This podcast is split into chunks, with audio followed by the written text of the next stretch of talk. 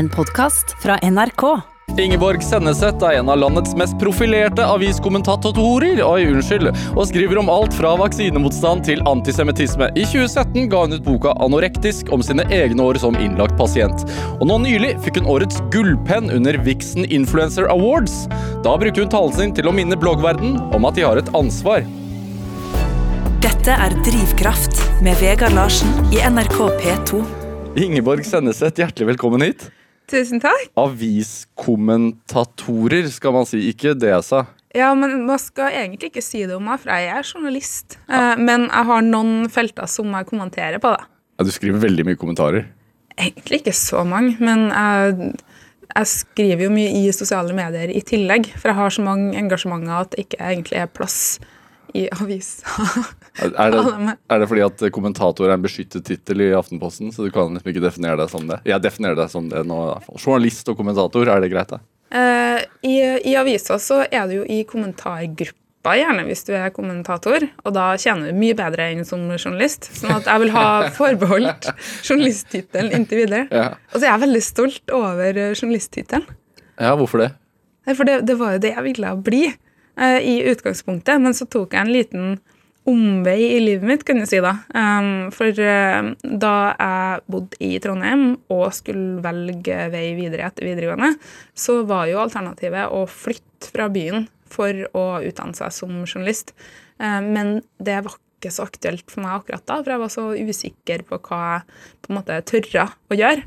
Så jeg endte opp med å utdanne meg som sykepleier. Så det er det jeg egentlig er på papiret. Men etter sykepleierutdanninga så ble jeg jo innlagt eh, over ganske lang tid. Eh, og holdt på å ja, omkom et par ganger. Og da, når jeg først kom igjennom de tingene, eh, så tenkte jeg at nå må jeg nesten gjøre det jeg egentlig ville. Så da pakka jeg sakene mine, flytta til Oslo uten skoleplass, uten jobb og uten en egentlig plass å bo. Og bodde på gulvet til bestevenninna mi Kadra Yusuf første seks ukene sammen med hennes niåring, som nå da er mye større nå. Eh, og søkte jobber, fikk avslag, søkte skole, kom ikke inn. og tenkte bare det her går jo ikke så veldig bra. Eh, men eh, på, altså, hvis man jobber hardt nok eh, og jobber nok gratis, så kan man faktisk være så heldig at det dukker opp en mulighet, og det gjorde det i Aftenposten. Så da fikk jeg et vikariat der i 2013, og der har jeg blitt. Det var et langt uh, svar med mye Det var Mye veldig mat i. langt svar, men det sier jo ingenting, så jeg bare tenkte ok, nå må jeg fortsette å snakke her nå. Men Ingeborg, kan du flytte deg litt fra mikrofonen? Merker jeg, for jeg hører et er sånn. Ja. Sånn. Nå, nå er det bedre lyd, tror jeg, i studio. Må ikke prate over den. Ikke over den. Sånn, ja. Så, det er et veldig direkte program i dag. Eh, programlederen sier feil i introen og Og jeg sitter og klær av meg mens vi prater og flytter mikrofonen. Ja, ja. Ja, Siden det er bare lyd, da skal jeg si at det var bare genseren som for. Men er det noen likheter mellom det det. Ja, det er viktig å påpeke. Men altså, du utdannet deg til å bli sykepleier, ikke journalist. Er det noen likheter mellom det å være sykepleier og det å være journalist, tenker du? Massevis. Som for eksempel? Um, la oss starte med etikk, da. Eh, du blir veldig bevisst hvordan du behandler andre mennesker. Eh, om du behandler deres historie, eh, er én ting. eh, og om du behandler deres kropp, er en annen ting. Du må fortsatt ha omsorg for det mennesket da, og ha en genuin nysgjerrighet. Du kan ikke velge hvem du vil prate med. Du kan ikke bestemme deg for at nei, jeg skal, jeg skal i hvert fall ikke behandle noen som har kjørt på en elg en gang. Jeg vet ikke hvorfor jeg sa elg, da, men noen som har Altså folk som har gjort noe ulovlig, da. Eh, Du kan ikke bestemme deg for at dem vil du aldri prate med, eller dem vil du aldri behandle på et sykehus. Der må du behandle alle likt. Eh, Samme måte i journalistikken. Vi skal være like nysgjerrig faktisk mer eh, på dem som gjør ting som er utafor normalen, da, enten om det er ulovlig eller om det bare er ekstraordinært. I tillegg så er du jo ekstremt vant til å lytte aktivt. At du tar inn kanskje mer enn det personen sier. Sånn at du har allerede tenkt litt på det neste spørsmålet ditt mens den personen prater, for å få den informasjonen som vil være mest relevant. I tillegg da, så er du god på å holde på informasjon. Eh, det, er ganske, det er ganske mye taushetsplikt i begge leirer. Ja. Eh, og så har jeg jo brukt en del av sykepleierutdanninga eh, innenfor noen av de feltene som jeg skriver om. Jeg skriver en del om helse også. Eh, så jeg føler at det var, det var ikke den dummeste utdanninga å ha med seg i det hele tatt. Men generelt i journalistikken så er det jo bra med folk som har en bakgrunn fra et eller annet spesialfelt, da, som man kan ta med seg inn så lenge man klarer å overføre det. Mm. Altså, uh, Ingeborg, du, du vant jo akkurat uh, en pris, eller fikk en pris. Vinner man Ja, man vinner jo en pris. Uh, en Vixen Influencer Award, altså du vant Gullpennen. eh, og, og jeg tenker, når du er en dame, du har fast jobb i landets største avis. Hva, hva betyr en influenserpris for deg? Eh, De sa jo i begrunnelsen at jeg fikk jo ikke prisen pga. kommentarer i avisa, men pga. engasjementet i sosiale medier og ikke minst i kommentarfelta, der jeg prøver å behandle folk med den samme integriteten som jeg bruker i avisa. Selvfølgelig da med eh, kanskje en annen tone, men egentlig ikke så forskjellig heller. Eh, jeg mener jo det at det har noe for seg å snakke med folk og informere. Um, så jeg deler mye artikler fra ulike um, nettsteder og aviser og prøver å dele perspektiver og diskutere ting. Og jeg inviterer også til kritikk av meg sjøl og det jeg skriver, og diskutere eh, hva folk mener eh, om ulike saker. Og bruker mange kanaler til det, både ja, Instagram, Facebook, Twitter. Er det, er det egentlig noen forskjell, altså sånn hvis man ser bort ifra eh, pressens egen etikk og redaktørplakaten og de, de tingene der, altså er det noen forskjell på det å være en uavhengig influenser med blogg og det å jobbe som kommentator i en avis, eller tenker du? Eh, ja og nei. Um, det er stor forskjell i praksis, fordi at um, jeg mener i hvert fall at uh, jeg syns at mine kanaler også skal oppfylle en del av de kravene som jeg forholder meg til daglig. Uh, du skal ikke være redd for å sende en melding til meg uh, i en sosiale mediekanal og tenke at det kanskje blir outa med navn etter en time, og, og spør folk om tillatelse hvis det er noe jeg vil bringe videre. Eh, og, og, og forholde meg til presseetikk også der, da. Eh, det har jo også gjort at jeg har måttet innføre en del restriksjoner. Fordi at eh, på Facebook var det tidligere mulig å kommentere for hvem som helst. Og det så jeg at det, jeg klarer ikke å ha oversikten over alle kommentarer hvis at det skal være åpent for alle. Så der måtte jeg snevre inn så det kun er for venner. Da. Det er selvfølgelig 5000 personer. Eh, men bare det å ta et presseetisk ansvar for at det ikke skal bli stående kommentarer som jeg ikke har kikka bortom, i hvert fall har enten gitt et svar eller eventuelt moderert bort. Ja, men Som journalist er du jo journalist på alle plattformer, på et vis. Ja, du er jo det hele tida. Um, og forskjellen er jo at eh, en influenser behøver jo ikke å forholde seg til verken presseetikk eller eh, Vær varsom-plakaten eller til redaktørplakaten og sånne ting. Uh, jeg ville jo anbefalt folk å gjøre det, um, fordi at det er jo ikke en sånn magisk eh, kun mediekanalplakat. Det handler jo også ofte om rent eh, folkeskikk, og også det om troverdighet. da. For du på en måte Hvis du ikke forholder deg til etikk, eh, særlig overfor dem du skal kritisere, så bare, i mine øyne, så taper du veldig mye troverdighet og integritet. da. For eksempel hvis du går, går du hardt ut mot noen uten å gi dem beskjed, enten samtidig eller etterpå. Noe vi jo har sånne begreper som imøtegåelse og, og, og tilsvar og alt sånt. Eh, Men det kan hvermannsen også forholde seg til. Du behøver ikke å være journalist eller redaktør for å bare oppføre deg som et anstendig menneske, tenker jeg da. Jeg tenker sånn, Bruken din av Instagram syns jeg er veldig interessant. Ja, Uh, fordi det har du sett. nei, nei, fordi du legger jo ofte ut ganske sånn Hva skal man si? Typiske selfies. Uh, men med veldig sånn uvanlige selfietekster.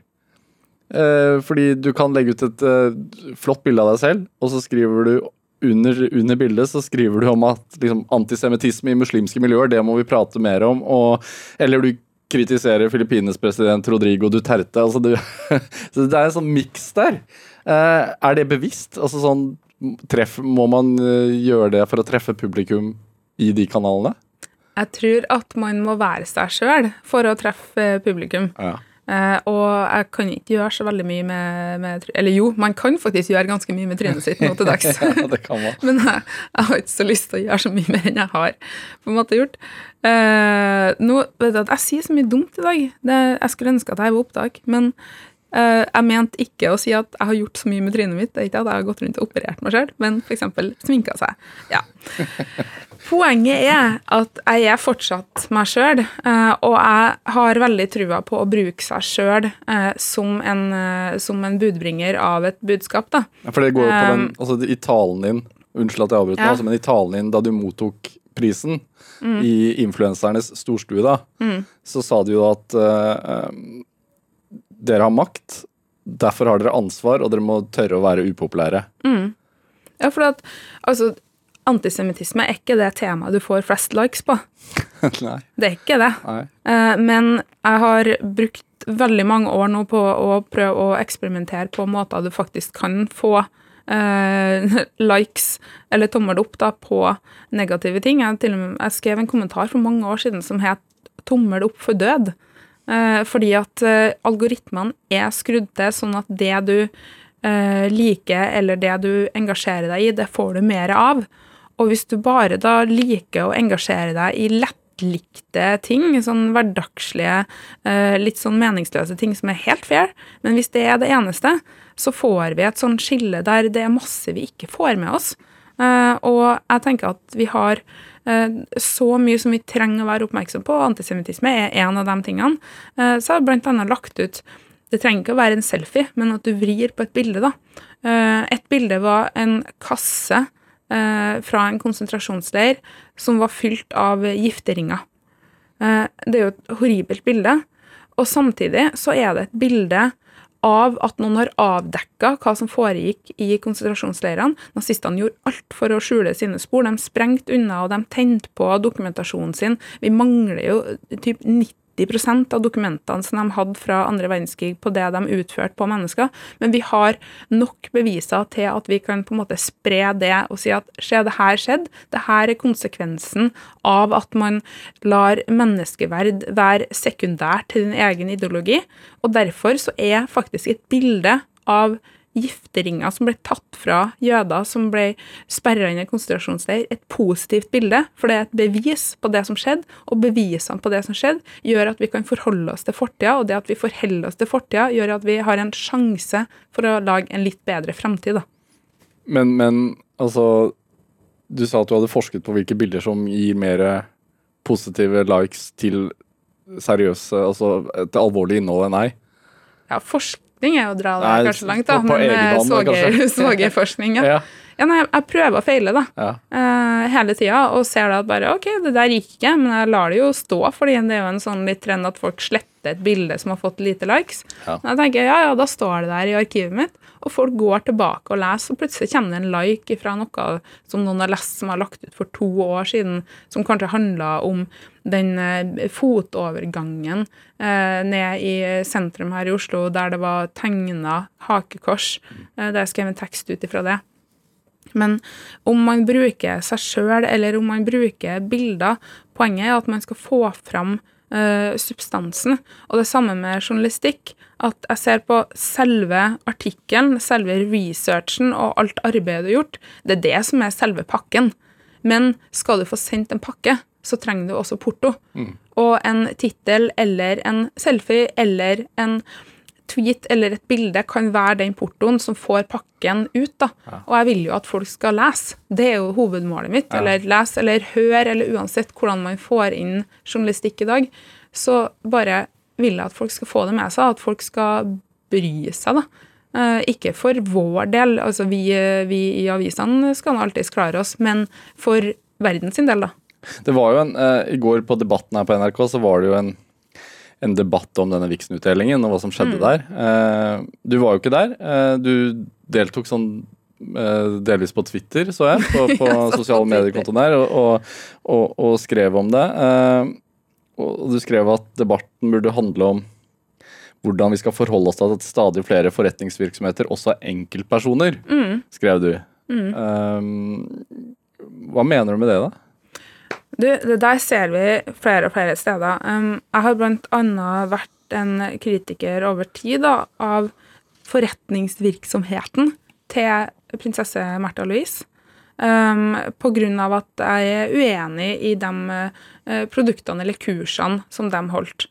Det var utrolig vanskelig. Det er utrolig vanskelig å være kritisk til det uh, hun driver med, eller det Fordi det blir sett på som et personangrep? Fordi det blir sett på som et personangrep, og til og med Dagbladet hadde en artikkel på trykk eh, der jeg ble kalt uh, prinsessemobber. Uh, og det viser seg at den personen som hadde kalt meg det, var også da en venn av uh, kronprinsparet. Men det, det, er en annen historie, det får den personen stå for. Um, og nå eh, skriver jeg og også snakker en del om eh, Gwyneth Paltrow sitt firma som heter Goop. Uh, massivt kritikkverdig, uh, det å driver på med. Uh, men, Blant annet en serie på Netflix nå? Eh, den serien på Netflix, ja, som er jo da egentlig innholdsreklame for hennes firma. Så det, det er dem som selger der vaginaegg, og de har tidligere blitt eh, dømt for dårlig markedsføring, der de overdriver verdien av produktene sine. De driver og lefler litt med vaksinemotstand. Det er veldig kritikkverdig, og det er en sånn der saus av det å nedverdige seg til å behandle kvinner som dumme høns, nesten, føler jeg da. Men det er også en sånn enkeltperson, og folk blir 'Hvorfor er du uenig med henne? Misliker du henne?' Ikke angrip Gunhild Pertro. Ja. ja. Eh, og så har du influensebransjen, der du også har f.eks. dem som promoterer enten skjønnhetsbehandlinger eller um, produkter som f.eks. spirulina, helt ubrukelig som kostholdsprodukt, uh, som også smaker høgg. Har smakt det sjøl.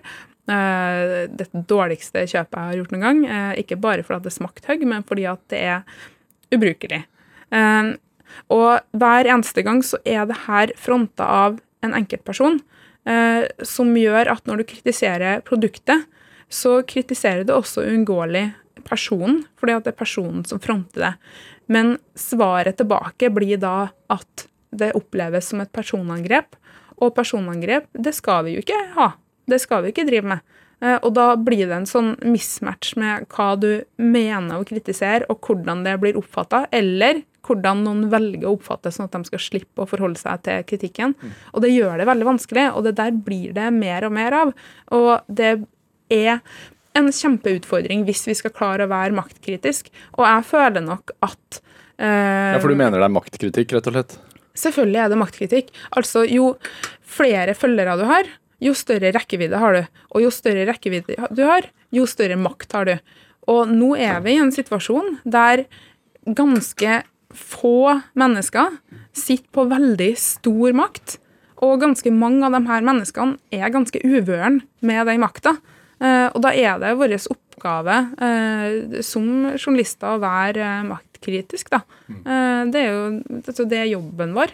Eh, så det må være en del av det vi gjør, men det er også en del av mitt personlige engasjement. Ikke fordi jeg ikke unner folk å selge uh, dårlige produkter, men jeg unner ikke uh, forbrukere å få dårlig informasjon. Så. Men det er en utfordring, da? Kjempeutfordring. For det er ikke så lett å ta bare firma og ikke person? Nei, det er, helt, altså, det er helt, umulig å ikke på en måte ha med begge deler. da. Ja. Så Derfor prøver jeg å gjøre det med en omsorg for folk, og jeg svarer folk i kommentarfeltene, for det er mange som hiver seg på. F.eks. når jeg skriver om Märtha Louise, da, så er det mange som er enig med meg, som hiver seg på og sier ja, hun er så dum. og da blir det sånn nei, slutt, ikke gå på henne. Jeg går ikke på henne, da skal heller ikke du gjøre det for meg. Nå skal vi diskutere det hun gjør, og det hun selger, og det budskapet hun driver fram. Vi skal ikke ta hun. Ja. Så da, må jo, da finner jeg meg i en situasjon der jeg ofte sitter og er den som beskytter. Enten Gwyneth Paltrow eller prinsessa eller en influenser. Men sånn må det være, da. Men eh, Ingeborg Skjenneseth, altså, du er jo journalist i Aftenposten. Eh, du var jo ikke på den debatten i går på, på NRK eh, i programmet Debatten. Du var i Bergen. Du holdt foredrag for folk som jobber med rus og psykiatri. Mm. Og samtidig så veit jeg at du eh, takket nei takk til et tilbud fra helseminister Bent Høie om at uh, om å komme til Oslo og snakke til departementet der om åpenhet og selvmord. Altså, det kunne egentlig vært tre steder på samme tid. Og, og jeg tenker da altså sånn Bent Høie inviterer deg i går for at du skal snakke om åpenhet og selvmord. Uh, til, i, i Helsedepartementet, og du er i Bergen og holder foredrag for folk som jobber med rus og psykiatri. Altså, du bader i ganske tung, tung tematikk. Og jeg også sitter her og blir kjempeglad når du sier det. For at tingen er at jeg ble, så, jeg ble veldig glad da jeg fikk invitasjon fra helseministeren. Ja. Eh, fordi at eh, jeg har kritisert den så hardt. Og jeg syns at det er en vanvittig fin ting. Jeg synes det, er en, det er veldig norsk, da. At vi kan få skikkelig kritikk fra noen. Og da sier vi du, jeg vil gjerne høre litt mer av det. Kan du komme inn i stua mi og Men si da, det? men da har du vel ikke gått på person, da? Du har gått på departementet og, og Ja, og så har jeg jo også vært veldig tydelig på at grunnen til at, øh, til at jeg tar øh, han så hardt, er jo ikke fordi at jeg har noe imot han. Tvert imot så er det fordi at jeg har et inntrykk av at han genuint bryr seg om øh, unge som sliter psykisk. At han genuint ønsker å løfte psykisk helse og psykiatri. Uh, og derfor så har jeg mye større forventninger til han. Og han er også en vanvittig dyktig politiker, og det øker forventningene enda mer. Og når du da, i mine øyne, skuffer skikkelig ved å la uh, sjefene for helseforetakene ikke oppfylle din bestilling, da blir jeg ordentlig, ordentlig irritert. Ikke på vegne av at det er et eh, sånn her brutt løfte, jeg mener at alle politikere skal holde løftene sine, men fordi at jeg snakker med de folkene her hver dag. Men- de som faktisk ikke får den hjelpa som de skulle ønske at de fikk, og de som sliter. Og jeg har mista så mange venner i psykiatrien, og måned på måned så er det folk som jeg kjenner til eller kjenner, som dør. Fordi at de ikke får den hjelpa de trenger. Og selvfølgelig skal jeg bli forbanna på deres vegne. Og det er sånn, her, hva, hva skal jeg bruke stemmen min til da, hvis jeg ikke skal snakke for dem? Så for deg så er det en helt sånn Når jeg sier at du bader i tung, tung tematikk og, og lurer på hvordan det er for deg som menneske, så er det bare en du, du vet ikke noe annen vei. Du klarer ikke å la være. Nei, men det, jeg vet ikke hvordan jeg skulle ha latt være. For at jeg, klarer, jeg klarer i hvert fall ikke å Jeg har, jeg har ikke den der tykke huden at jeg bare ja, det her kan ikke jeg få gjort noe med, eller tar og gjør noe annet. Um, det, det fikser ikke jeg på den måten, da. Du er, du, jeg tenker, du er ikke noen forsker på områdene som du øh, gjerne eller ofte skriver om. Du er jo en, du er en meningsytrer. Hva, hva i deg er det som gir deg trygghet som gjør at du føler at du kan uttale deg? Um, jeg uttaler meg jo helst på grunnlag av forskning, da. Ja. Um, jeg gjør mye research på ting. Når jeg legger ut en, en selfie med kanskje to setninger under, så kan det godt ligge en og en halv bok uh, i bakgrunnen av det. Eh, eller fire, fire podkaster, eller noe sånt. Ja. Sånn at jeg har, eh, jeg har gått gjennom ting. Uh, antisemittisme, for eksempel, da, at du har pløyd gjennom Bjarte Bruland sin 'Murstein om holocaust i Norge', som er en helt fantastisk bok. Uh, og, og, og Mona Levin sin om mors historie. ikke sant? Så du har gått gjennom mye stoff for å kunne si det at, eh, at vi må være opptatt av det. Altså, du trenger ikke du trenger ikke på en måte å referere til alt hver eneste gang, men i kommentarer så prøver jeg å vise fram hvordan jeg har kommet fram til det jeg har kommet fram til. For jeg tror at mange føler det personangrepet sterkere hvis de bare har ytra en mening ut ifra noe de tror. Eh, Jeg har som regel ytra meningene mine ut ifra en blanding av en følelse av at noe er feil, og en underbygging av dem som faktisk kan ting. da. Eh, Der jeg også prøver å utfordre meg sjøl på kan jeg ta feil her, Eh, og prøve å finne ting som motsier det. For altså, hvis du ønsker, så kan du finne forskning som bekrefter hva som helst. Da er det bare å gå og se på sånn som det Goop-programmet, da, der det er sånn A scientist says. Og da har de funnet tak i en eller annen obskur eh, forsker eller en eller annen obskur studie. Og det heter jo studie, og det heter forskning, men så er det helt ubrukelig fordi at det er så dårlig kvalitet på det. Så jeg prøver å bruke ting av kvalitet, og også spørre folk som, eh, som har peiling, da. Eh, Jeg holdt en, en TED-talk i, i London i vår. Eller i fjor vår blir det jo nå, da. Og da var jo utgangspunktet en meningsytring, som er det at jeg er mindre redd for eh, hiv enn for influensa. Og det er en ganske sånn, eh, bare sånn What? Hva kan jeg si det? For hiv er jo kjempeskummelt. Aids wow, der, og du tenker på 80-tallet, og du tenker på det homopesten som det ble kalt. Så et horribelt ord som bare klistra en hel gruppe til en sykdom. da.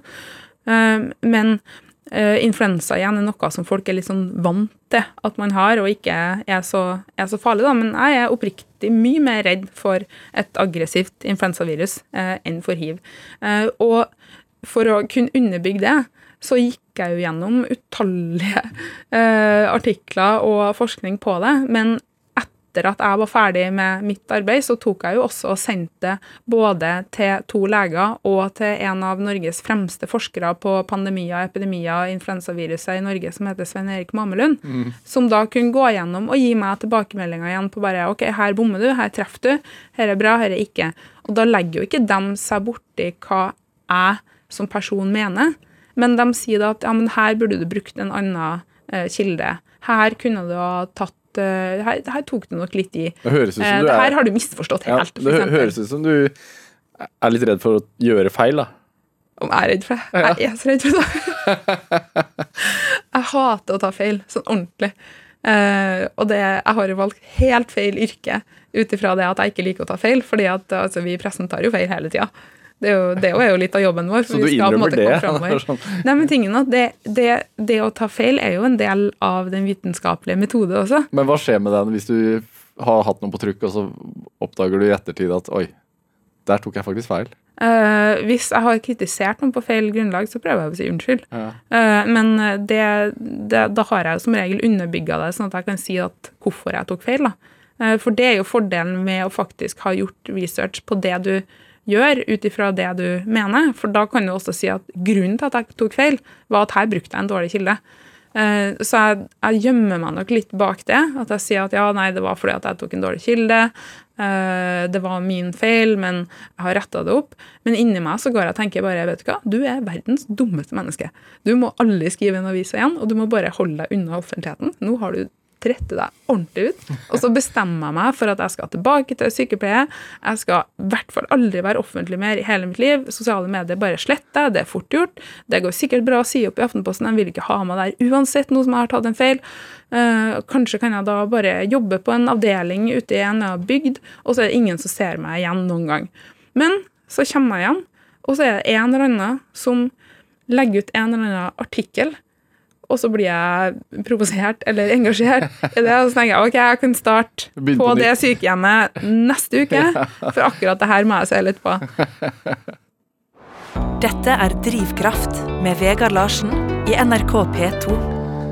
Og I dag så har vi journalist og kommentator i Aftenposten, Ingeborg Senneset, her hos meg. Jeg sier kommentator ennå. Ja, altså. Du sier det igjen og igjen. liksom. Ja, ja, håper ikke det skaper noe trøbbel nedi tanta i, i, i avisa. Men vi er jo uten politisk redaktør akkurat nå, så kanskje slippe unna. Ja.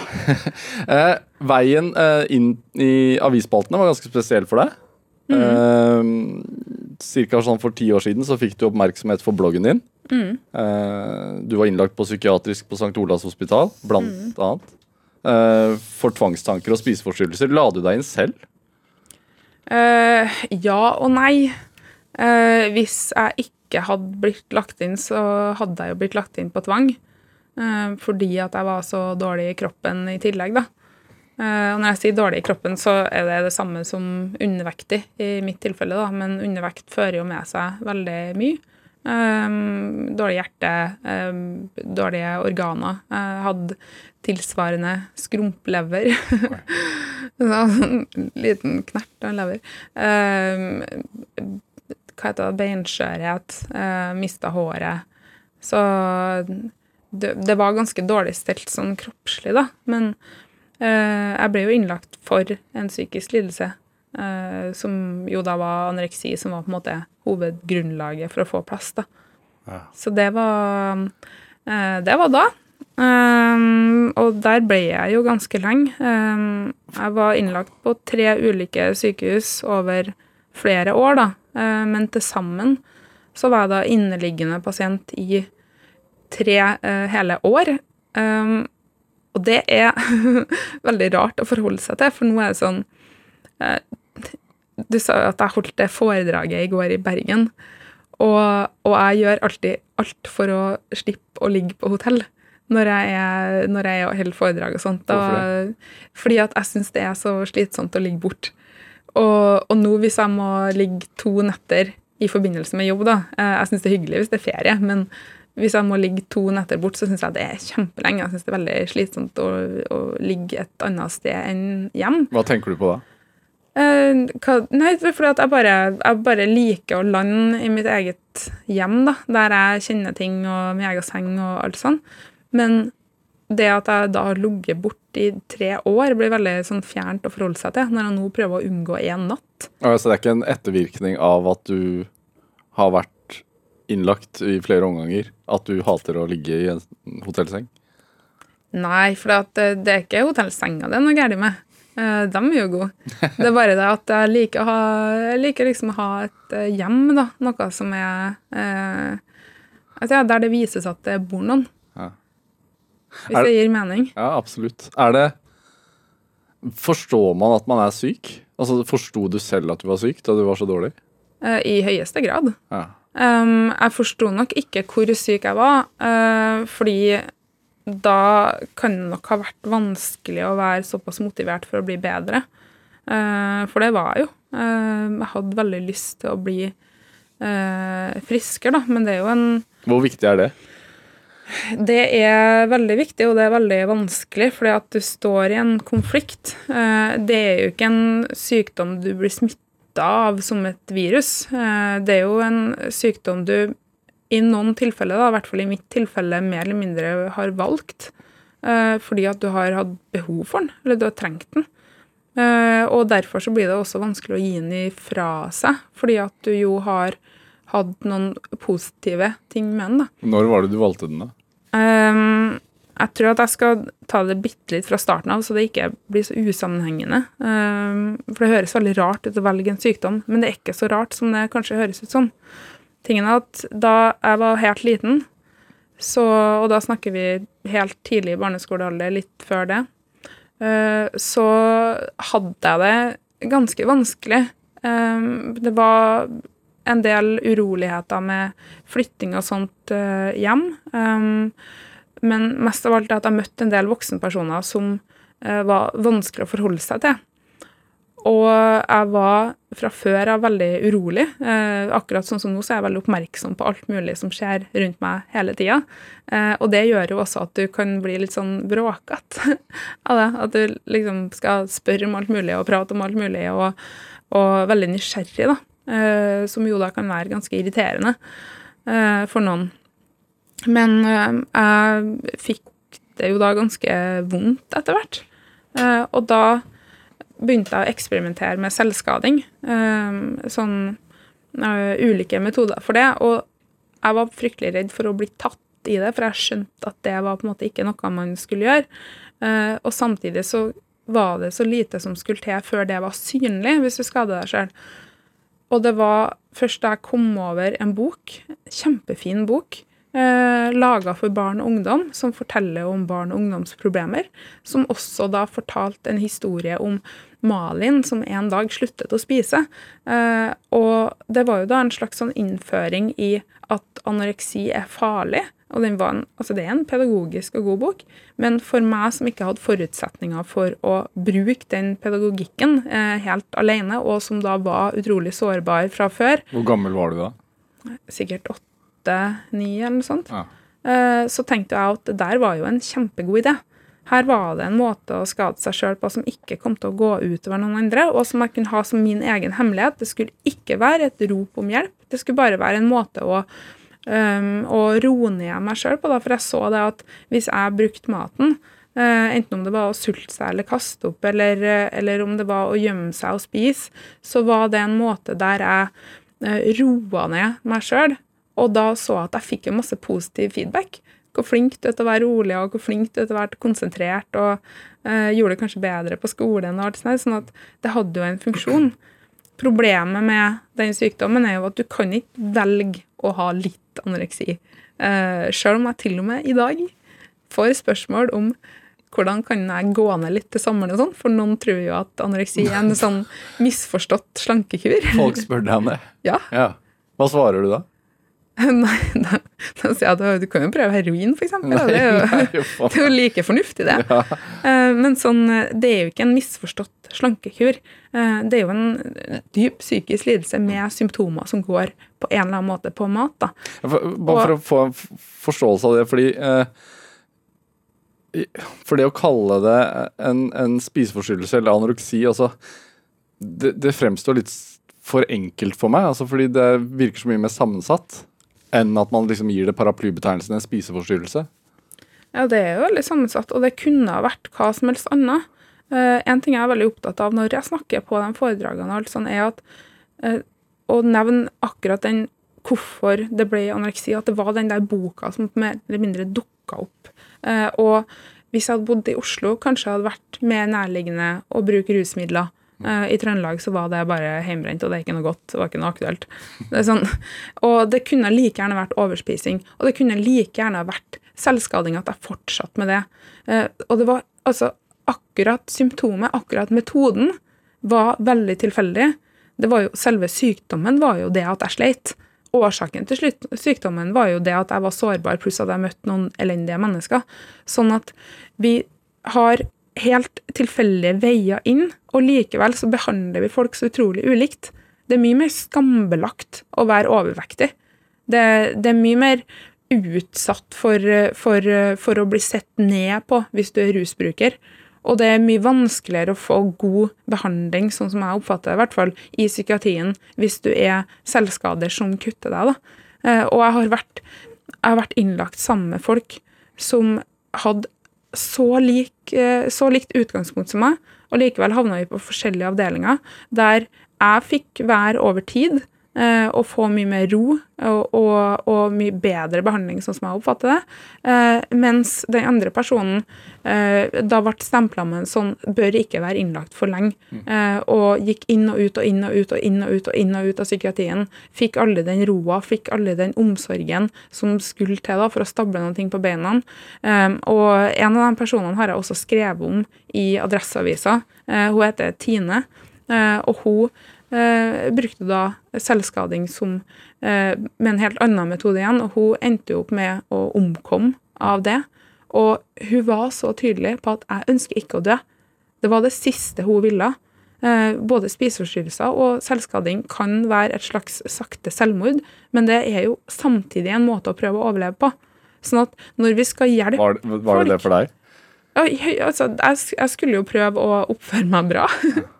Eh, og skulle absolutt prøve å overleve. Eh, men du tar jo sakte, men sikkert livet av deg sjøl likevel, så du må jo hjelpes ut ifra det. Men du kan aldri hjelpe noen som har valgt en fallskjerm, da, ved bare å rive vekk fallskjermen.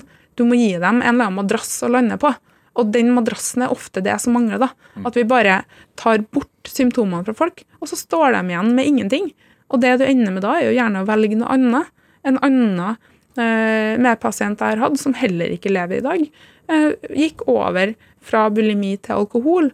Kjempevanlig det også, vel, eller å, å veksle mellom ulike symptomer. Men det var for at hun fikk ikke den oppfølginga som hun ønska seg, da. Som hun ba om, og som hun ønska seg. Altså behandlingen av roten til behovet for, Ja, en for å ting er å- fylle, fylle et eller annet hull. Da. Nei, men Én ting er å behandle liksom roten. Det er mer det å behandle deg som menneske, da, og så underbygge hva vil du gjøre, hva vil du bli, eh, hva skal til for at du skal kunne uh, bruke evnene dine. Uh, hvilken, uh, hvilken støtte trenger du for å kunne fungere i en hverdag og komme tilbake igjen i sånne ting. da.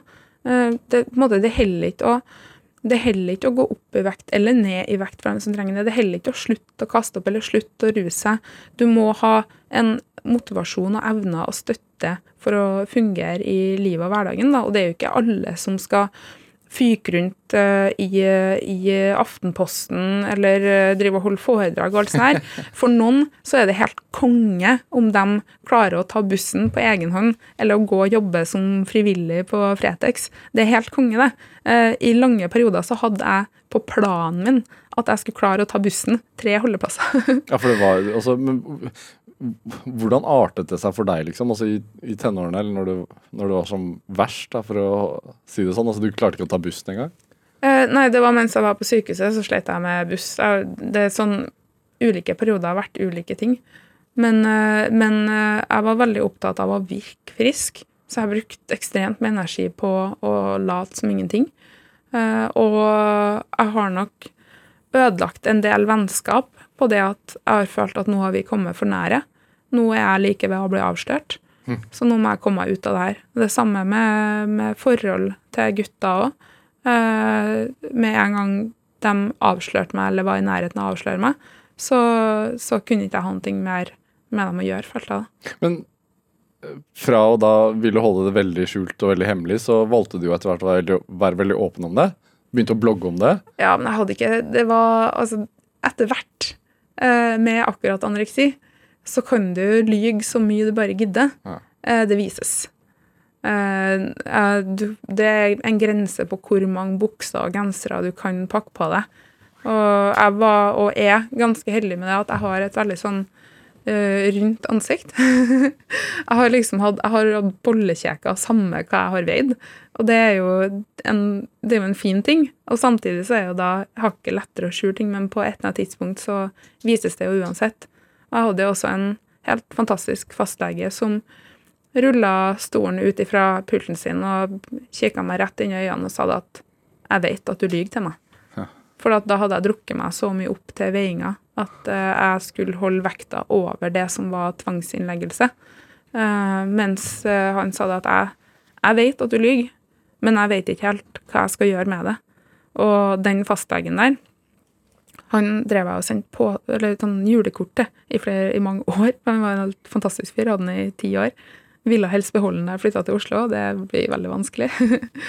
men, eh, men, men det var så åpenbart for alle at jeg var syk, men utrolig vanskelig å ta tak i, da, for det er vanskelig å tvinge noen til å ta imot behandling hvis de ikke ønsker det. Mm. Eh, og, og jeg hadde egentlig ikke noe ønske om å eh, Jeg følte at det var litt nederlag, da, å, å gi opp på, enten på skole eller jobb og ting jeg drev med. Men jeg skjønte jo etter hvert at jeg, jeg kommer ikke til å få lov. Hva var det som fikk deg ut av det? Eller altså, hva gjorde deg frisk nok? Uh, jeg liker at du sier frisk nok, uh, for jeg er opptatt av å ikke kalle meg frisk eller ikke frisk. Og jeg syns ikke at vi skal være så nøye på om folk er friske eller ikke friske heller. Uh, for meg er det viktigste at jeg gjør friske ting. Uh, og jeg tenker at veldig mange syke kunne ha fått lov til å gjøre mange flere friske ting hvis det ikke hadde vært sånn at vi måtte stemple dem som det ene eller det andre. Men uh, for meg så høres det jo ganske sånn tilforlatelig ut når jeg starter ut med å si at ja, og så var jeg innlagt en stund, og så flytta jeg til Oslo. Det er sånn det, Da er jeg ganske sånn fast forward. Ja, det er det jeg skjønner. Eh, behandling i psykiatrien, eh, sånn som jeg var gjennom på en langtidsplass, eh, er seigt og kjedelig og hardt arbeid over tid med vanvittig mange tålmodige folk som tåler at du gjør feil på nytt og på nytt og på nytt, og som starter neste vakt med å si at eh, nå prøver vi igjen. Eh, jeg forstår ikke at miljøarbeidere klarer å ha den tålmodigheten det samme med mange lærere og alt sånt her, som der pasienten eller eleven eller hvem det nå er, på en måte feiler på nytt og på nytt, da, og ikke gjør den Du har laga en kjempefin plan, og dere har gått gjennom alt sammen. Sånn her skal du få til oppgavene dine i dag. Og så, og så kommer du tilbake, kanskje fra et måltid, da, og så har du nok en gang lurt unna alt smøret for gang nummer 750. Og da skjønner ikke jeg hvordan de klarer å bare Ja, det der var ikke bra. Hvordan skal vi få det til i morgen? Det er sånn igjen og igjen. Um, men dagene besto jo av eh, selvfølgelig måltider, eh, men også kanskje fysioterapi, eller at du er ute og øver på å ta buss, eller at du etter hvert da får lov til å dra på et foredrag. Um, det lå jo ganske langt fram i tid til meg, for jeg hadde bare lov til å gå utafor sykehuset i ett kvarter med følge om dagen. Um, at du er i gruppeterapi, at du er i, um, i, i personlig terapi, skal du si. Uh, blodprøver. Um, uh, kunst- og håndverksterapi. Uh, det er sånne det er, Du kan si at det er skoledager som varer fra morgen til kveld, der du ikke har lov til å dra fra skolen, og der du ikke egentlig ikke har lyst til å være på skolen, der du ikke egentlig vet hvem medelevene dine er, kanskje bor du på rom med andre, og det er også noen som går natterunder, eh, og som er inn morgen og kveld. Og det kan på en måte være greit på en leirskole som er på to uker, der du har valgt det. Eh, og det blir eh, litt tøffere når du er der fordi at du ikke har fiksa livet utafor, da. Ja. Men, Um, ja. men er det altså Jeg bare tenker, siden du jo er, blitt frisk nok da, til å gjøre vanlige ting, eh, hvor, hvor, hvordan har du klart det? Altså, er det? Er det én spesiell grunn, eller er det bare en dag av gangen, og så har du fungert? Um, en spesiell grunn er jo det at jeg hele tida har hatt lyst til å gjøre noen ting for andre. Og hvis du skal gjøre noe for andre, så må du til en viss grad gjøre noe for deg sjøl. Um, men det hadde nok mye å gjøre med at jeg var så heldig at jeg fikk tid. eh, og fikk eh, nok tid til å få tillit til behandlerne mine.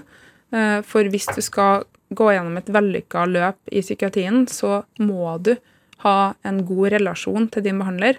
Eh, Det er også studier bl.a. fra det var Truls Willer som har forska på betydningen av relasjon i behandling. Da, at det betyr mer enn akkurat hvilken behandling du går gjennom. Og det er ikke alle pasienter som på en måte passer i sånne ferdigløp. Da. Så jeg er ganske kritisk til pakkeforløp, men det kan vi ta en annen gang. Um, men jeg møtte jo en behandler som var opptatt av meg som menneske. Altså første gangen jeg gikk inn på kontoret hans, så, så står det liksom to stoler der. Uh, og han sier at jeg kan sette meg i den ene, og skal til sette seg sjøl i den andre. Jeg ser på den stolen jeg skal sette meg i, og tenker der kan jeg ikke sitte. Og det sier jeg òg, at jeg kan ikke sette meg der. Og han bare OK, hvorfor, uh, hvorfor det? Uh, nei, fordi at den stolen har armlener. Og jeg var livredd for å sette meg i en stol med armlener, for at jeg trodde at jeg kom til å bli sittende fast. For jeg opplevde meg sjøl som så veldig, veldig stor. Ikke som tjukk, men mer som et sånn gigantisk stillas. da. Så jeg turte ikke å sette meg ned i den stolen. Og for hvilket som helst menneske så ville det vært helt naturlig å si da bare ja, men nei, nei, nei, du tar feil, og berolige deg på at nei, det går bra. Jeg kan sette meg ned samtidig som deg. Bare prøv, så får du erfare at du ikke sitter fast. Men veldig Men menneskelig var reaksjon. Ja, ja, det er kjempemenneskelig. Og jeg, Ja. sånn ville jeg sikkert ha gjort sjøl. Ja. Bare si sånn Nei, det går bra, bare sett deg der. God stol. Sitt, sitt. Men Bjørn, da, som han heter, han, eh, han kikka også på stolen, og så sier han bare Ja vel, ja, men du behøver ikke å sette deg der. Jeg har jo, jeg har jo også en puff. Du kan bare sitte på den. Eh, Det viktigste er jo det vi skal prate om. Så de første månedene av terapi så satt jeg på den der lille puffen, mm. og vi prata, og han eh, spurte meg om ting som Hva er du opptatt av? Og jeg bare Jeg er opptatt av frokost. Eh, nei, nei, hva er du opptatt av? Uh, nei, jeg er opptatt av at jeg har gått opp 400 gram. Nei, jeg mener, hva, hva bryr du deg om? Jeg har jo sett at du er veldig opptatt av å få med deg Dagsrevyen. Eh, jeg bare, ja, nei, jeg er jo litt opptatt av nyheter, da. Og så han bare, ja, hva da? Og da begynner vi å prate, og vi snakker om ting jeg engasjerer meg i. Vi snakka mer om Syria, om terror, om tortur, enn hva vi snakka om brødskiver og smør og gram. Og det var så, så utrolig sentralt for meg å på en måte finne tilbake til den jeg var. Så han behandla meg som menneske, men ikke som pasient. Og på den måten så var det mulig å etter hvert tre ut av pasientrollen da, og oppleve og verden fra et menneskeståsted istedenfor. Hvordan er det for deg å prate om, om den tiden? Um, jeg må alltid på en måte ta litt sånn sats, fordi at det er så fort gjort å snakke litt sånn på autopilot og si ting jeg har sagt før, og, og ramse opp. Og det, og det er jo helt greit, det, fordi at um, jeg er jo også opptatt av å ikke si for mange detaljer. Så, så jeg ser ofte at jeg på en måte jeg må, jeg må kikke ned i bordet og tenke bare OK, hvordan kan jeg forklare det her uten å si noen ting om kilo, om BMI og alt sånt som folk ofte er veldig opptatt av. da. Eh, Som er triggere? Ja, at det, det kan være triggende, men det skal være unødvendig.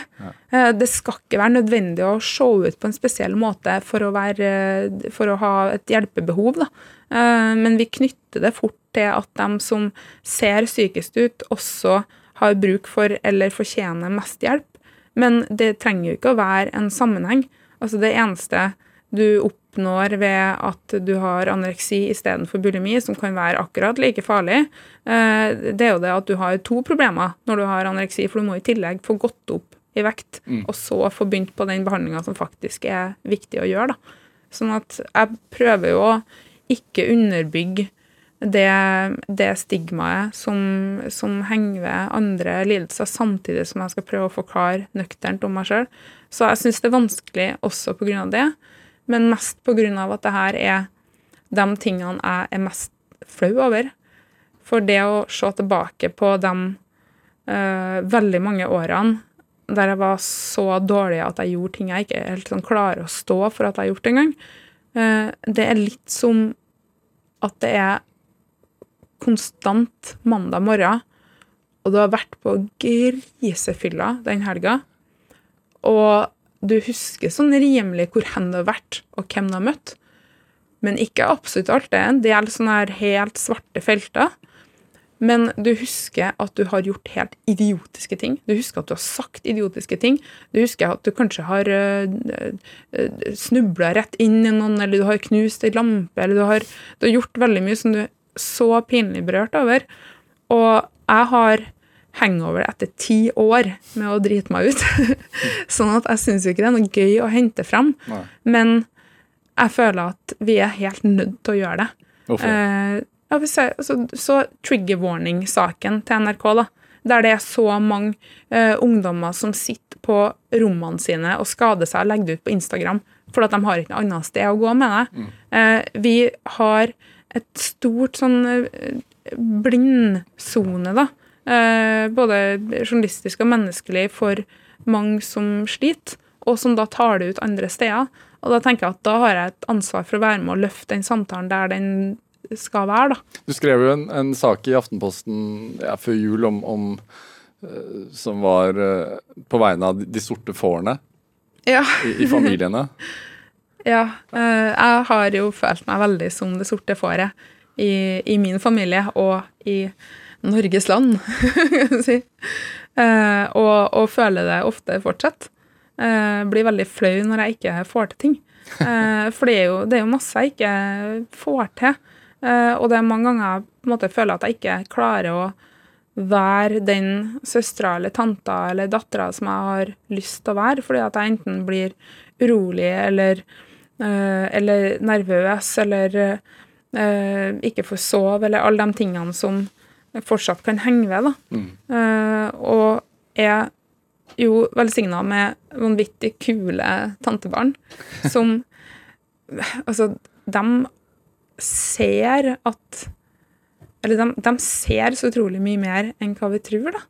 Uh, og de lytter hvis man tør å si et par ting. Så det å være åpen om at man ikke har det helt bra, også når man egentlig har lyst til å være den på det tanta de skal være stolt av, eh, eller være den som er et godt forbilde, og alt sånn, så er det faktisk et viktig forbilde for dem også, at de kan få lov, sjøl om de er eh, fem, seks, sju år, få lov til å si at ja, men tante, det går bra.